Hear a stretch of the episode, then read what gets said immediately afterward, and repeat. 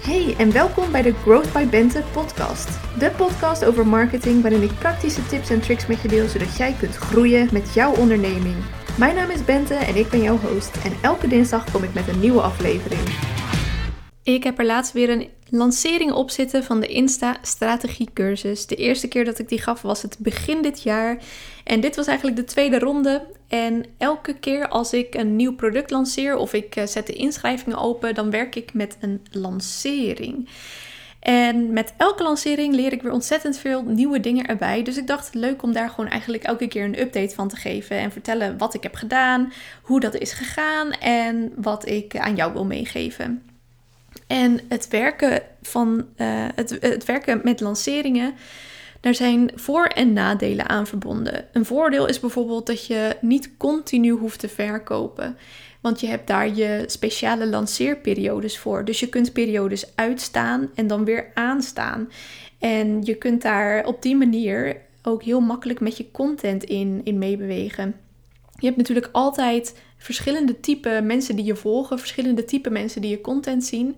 Bijvoorbeeld mensen die jou pas net hebben leren kennen, die zijn vaak echt nog niet klaar om een aankoop te doen. En mensen die jou al langer kennen, die staan misschien te springen om een aankoop te doen. En in een, het voordeel van een lancering is dat je eigenlijk iedereen even op hetzelfde niveau brengt. Dus je, je neemt ze een tijdje mee doordat je content gaat delen over een bepaald onderwerp. Daarmee laat je zien dat jij echt een expert bent op jouw vakgebied. En dan neem je ze mee die lancering in. Dus je gaat samen een proces in. En doordat jouw volgers dan een beetje meegaan in het proces, uh, ja, kun je eigenlijk in één klap een hele golf meekrijgen van mensen die wellicht ook op dat moment dat product nodig hebben wat je dan gaat lanceren. Dus uh, het is echt een proces. Je gaat uh, beginnen met het enthousiasme opwekken. En uiteindelijk gaan dan ook de deuren dicht en dan ga je bij iedereen uh, onder de voeten kietelen dat ze fear of missing out krijgen. maar er zitten natuurlijk ook nadelen aan, um, aan lanceren. Zo heb ik nu bijvoorbeeld voor deze zomer nog geen lancering gepland en vraag ik me een beetje af hoe ik uh, mijn geld ga verdienen. en daarnaast, uh, dat zal ik trouwens ook allemaal vertellen in een andere podcast, wel leuk, hoe dat uiteindelijk is gegaan. Een persoonlijk uh, struggle puntje, omdat ik natuurlijk nu op dit moment nog niet echt een doorlopend, um, doorlopend product heb dat continu verkocht wordt. dus nou ja, dat moet, gewoon, dat moet ik gewoon nog opbouwen. Ik zit natuurlijk eigenlijk pas in de opbouwfase nog. Uh, net een half jaar bezig. Ja, nu precies natuurlijk. Nu, uh, nu we in juli zitten inmiddels. Um, dus dat is een nadeel van als je niet lanceert, dan hou je ook niks binnen, tenzij je daar dus iets voor gemaakt hebt. Nou, daar moet ik nog mee aan de slag. En het kost ook best wel veel energie. Je staat die periode dat je aan het lanceren bent toch echt wel aan. En ja, daar zitten ook nadelen aan verbonden. Dan, dan ja, ben je gewoon moe. Ik ben, ik ben nu ook eventjes lanceermoe. Dus uh, al zou ik deze zomer een lancering op de planning hebben staan, dan zou ik niet eens weten of ik daar op dit moment, zoals ik er nu in sta, zin in zou hebben. Anyway, ik werk in principe met drie lanceerfases en ik dacht, daar gaan we in deze podcast gewoon eventjes lekker doorheen. En de, de fases waarin ik werk zijn emotie, ratie en holy fuck. En dit zijn dezelfde, deze fases, dat zijn eigenlijk vertalingen van. Uh, of nou, nee, hoe zou ik dit nou zeggen? Deze fases zijn eigenlijk ook de secties die ik gebruik op mijn sales pages. Dus dat is gelijk een tip dat je deze fases kunt meenemen en die kunt omtoveren naar secties op je sales page. En ik zal er eventjes uh, dieper op ingaan van wat het nou precies is. Ten eerste wil je emotie overbrengen. En natuurlijk is de eerste emotie waar je dan aan moet denken enthousiasme. Enthousiasme dat dit product eraan komt, dat mensen zich ervoor kunnen inschrijven.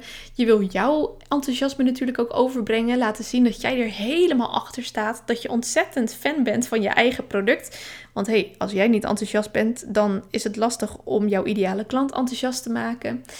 En niet alleen enthousiasme, want dat is natuurlijk een heel positief uh, positieve emotie, maar je wil daarbij ook de pijnen laten voelen. Dus je vraagt jezelf eigenlijk af voordat je dit product gaat lanceren: uh, welke pijn ervaart mijn ideale klant en welke pijn los ik met dit product op?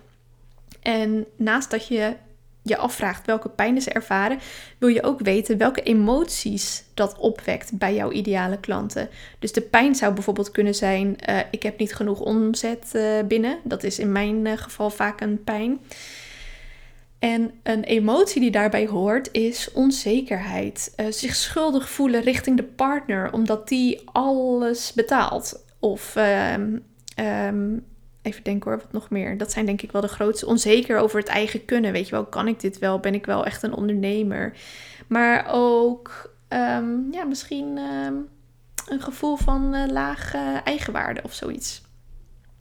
Dus welke pijnen ervaart je ideale klant en welke emoties veroorzaken die pijnen?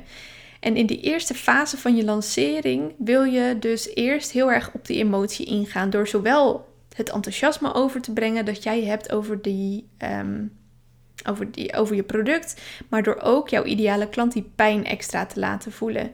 Dus wat, wat is het nou? Dat, wat zal ervoor zorgen dat hij denkt van ja, oké, nu is het genoeg. Ik ga met deze persoon in zee voor, of ik ga die cursus volgen, of ik koop dat boek, of ik ga ehm, een piano aanschaffen, ik zeg maar wat. Dat zijn eigenlijk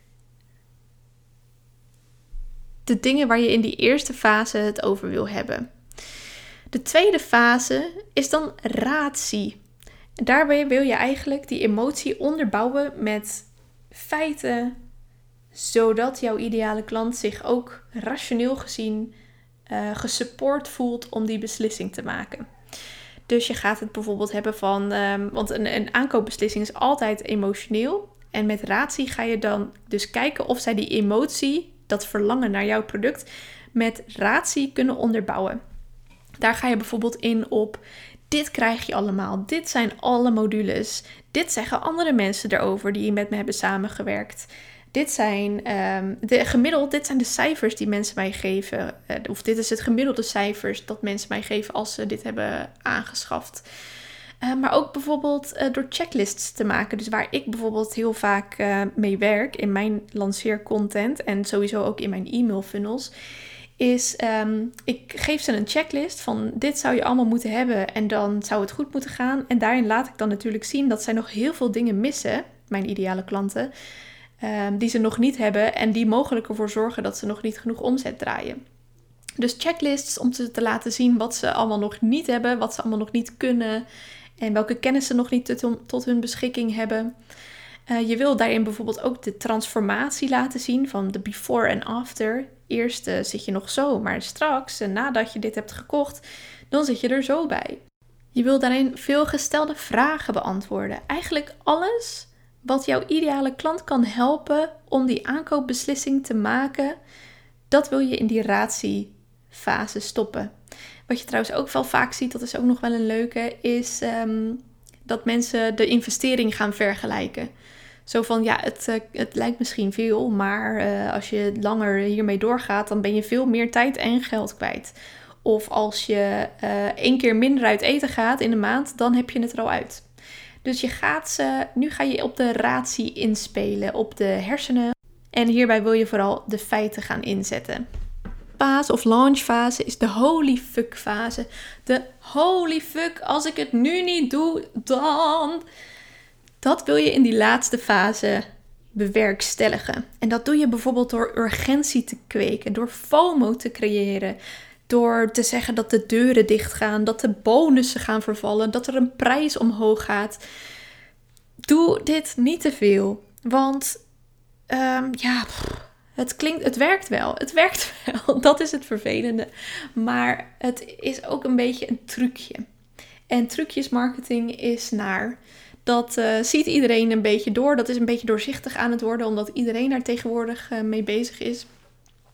Maar het werkt wel. En dat maakt het uh, lastig en ook wel leuk tegelijk. Je wil in ieder geval niet doen waarbij jij eigenlijk gelijk al een knoop in je buik krijgt. Dus knoop in je buik, knoop je maag. dus um, je kunt hier gebruik van maken, maar hou het transparant en hou het authentiek. Als je zoiets hebt van, uh, ik ga dit doen, maar uh, ik krijg eigenlijk al zo'n gevoel erbij. Dan moet je dit natuurlijk niet doen, want dan komt het ook helemaal niet over. Dus um, kijk even goed wat hier bij je past en hou het authentiek en probeer het nog steeds te doen vanuit dat gevoel van dat je jouw ideale klant wilt helpen. Want dat is eigenlijk alles wat je doet met zo'n lancering. Je wil jouw ideale klant helpen om de juiste beslissing te maken. En het fijne van FOMO creëren is dat je jouw ideale klant helpt om nu die beslissing te maken. Dus je zet je ideale klant echt even voor het blok. Waar, waar iemand tijdens een gewoon een, een open lancering, zeg maar, of een lancering zonder deadline, gewoon kan zeggen van. Ehm, eh, van oh ja, oh interessant, maar ik kijk wel even of ik het nu doe of, uh, of volgende week.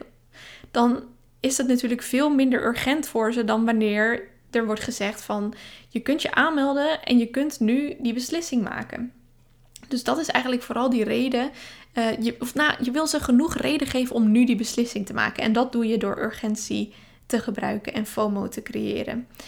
Um, denk hiervoor, nou ja, we hebben het gezegd, de deuren gaan sluiten, er vervalt een bonus, de prijs gaat omhoog. Zo zijn er nog wel veel uh, meer andere dingen te bedenken. En dit zijn dan wel vormen van externe um, of extrinsieke motivatie. Dus je, je geeft ze eigenlijk de keus van je moet het nu doen. Want er zijn externe factoren die meespelen die ervoor gaan zorgen dat je anders of heel lang moet wachten. Of dat je um, nou ja, misschien nooit meer deze keuze maakt. Maar je kunt dat ook wat intrinsieker laten gebeuren door bijvoorbeeld te zeggen: um, Jij staat voor de keus. Of je gaat nog drie maanden verder op eigen hand. Je verkloot het. Of uh, je, je zit nog steeds aan te lummelen. En je zit over drie maanden nog precies op dezelfde plek als waar je nu zit. Met nog steeds diezelfde pijnen. Of je kiest nu om uh, dit aan te schaffen, wat dit dan ook is. En wam bam, in één klap zijn al je pijnen en problemen opgelost. Dat is een uh, meer intrinsieke vorm van mensen motiveren om nu die beslissing te maken. En dat kan in die holy fuck fase ook heel goed. Nou, bij mij vinden de meeste inschrijvingen de laatste, um, tijdens mijn laatste lancering eigenlijk altijd plaats in of die emotiefase, dus eigenlijk gelijk na de lancering, wanneer mensen helemaal enthousiast zijn, net zo enthousiast als ik over het product dat ik ga lanceren. En in de holy fuck fase.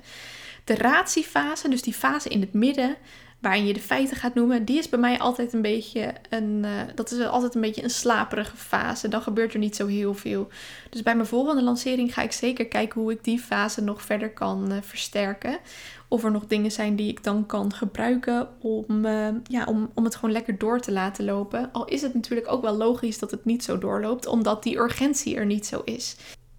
Dus ja, het is wel te verklaren, maar ik heb daar dan toch altijd een soort van uh, uitdaging die ik daar zie. Dat ik denk van, oh leuk, uh, dat is, uh, dat, nou ja, het zou gewoon leuker zijn als het in die fase ook nog beter gaat. Dus daar ga ik dan de volgende keer helemaal over nadenken. Van hoe kan ik er nou voor zorgen dat die inschrijvingen blijven doorstromen. In plaats van dat er een piek te zien is op het begin en op het eind helemaal, uh, nou, ik krijg toch wel weer zin in de volgende lancering. Misschien dat ik toch mijn planning voor deze zomer nog wat om ga, gooien. Ik denk het niet hoor, maar uh, you never know. The perks of being an entrepreneur. um, dus uh, dat. Als actiepunt zou ik zeggen, overweeg ook eens om met een lancering te gaan werken. En kijk dan of deze fases voor jou werken. Dus eerst die emotiefase, enthousiasme opwekken en die pijnen groter maken. Dan de ratiefase, alles ondersteunen met feitjes, cijfertjes. En dan de holy fuck fase, urgentie creëren. En dan ben ik heel erg benieuwd hoe het je is afgegaan. Laat het me weten. Mega bedankt voor het luisteren van deze podcastaflevering. Heb je iets geleerd of ben je geïnspireerd? Laat het dan aan mij en aan anderen weten door nu een screenshot te maken en door deze te delen op Instagram Stories of op LinkedIn. En vergeet me daarbij niet te taggen. Wil je verder leren? Ga dan naar bentebemelman.com en score mijn nieuwste freebie of schrijf je in voor een van mijn trajecten of cursussen. Fijne dag en tot de volgende aflevering.